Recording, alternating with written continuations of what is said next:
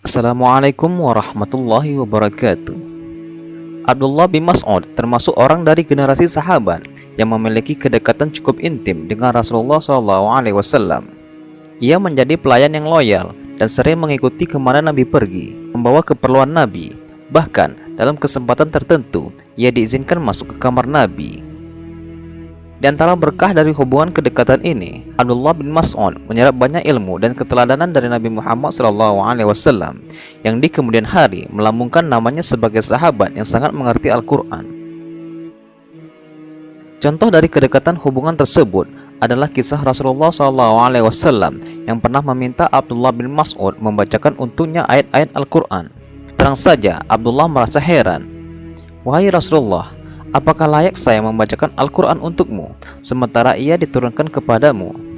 Nabi Muhammad SAW menjawab, Aku senang mendengarkannya dari orang lain selain diriku. Abdullah pun mengabulkan permintaan Rasulullah SAW dengan membacakan surat An-Nisa dengan fasih. Namun, baginda Nabi Muhammad SAW tiba-tiba memintanya berhenti ketika Abdullah sampai pada ayat ini. Maka bagaimanakah halnya orang-orang yang durhaka nanti? Apabila kami mendatangkan seseorang saksi dari tiap-tiap umat dan kami mendatangkan kamu Muhammad sebagai saksi atas mereka itu sebagai umatmu.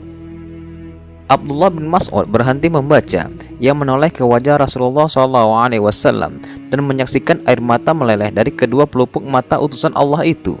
Demikian cerita yang bisa dibacakan dalam hadis riwayat Imam Al-Bukhari dan Imam Muslim Hadis tersebut menunjukkan betapa rendahnya hati Rasulullah SAW sebagai penerima wahyu mau mendengarkan untayan bacaan dari lisan pelayannya.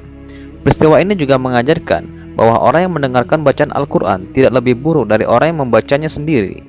Bahkan, karena fokus menghayati isi bacaan, si pendengar bisa lebih meresapi dan menangkap pesan inti Al-Quran.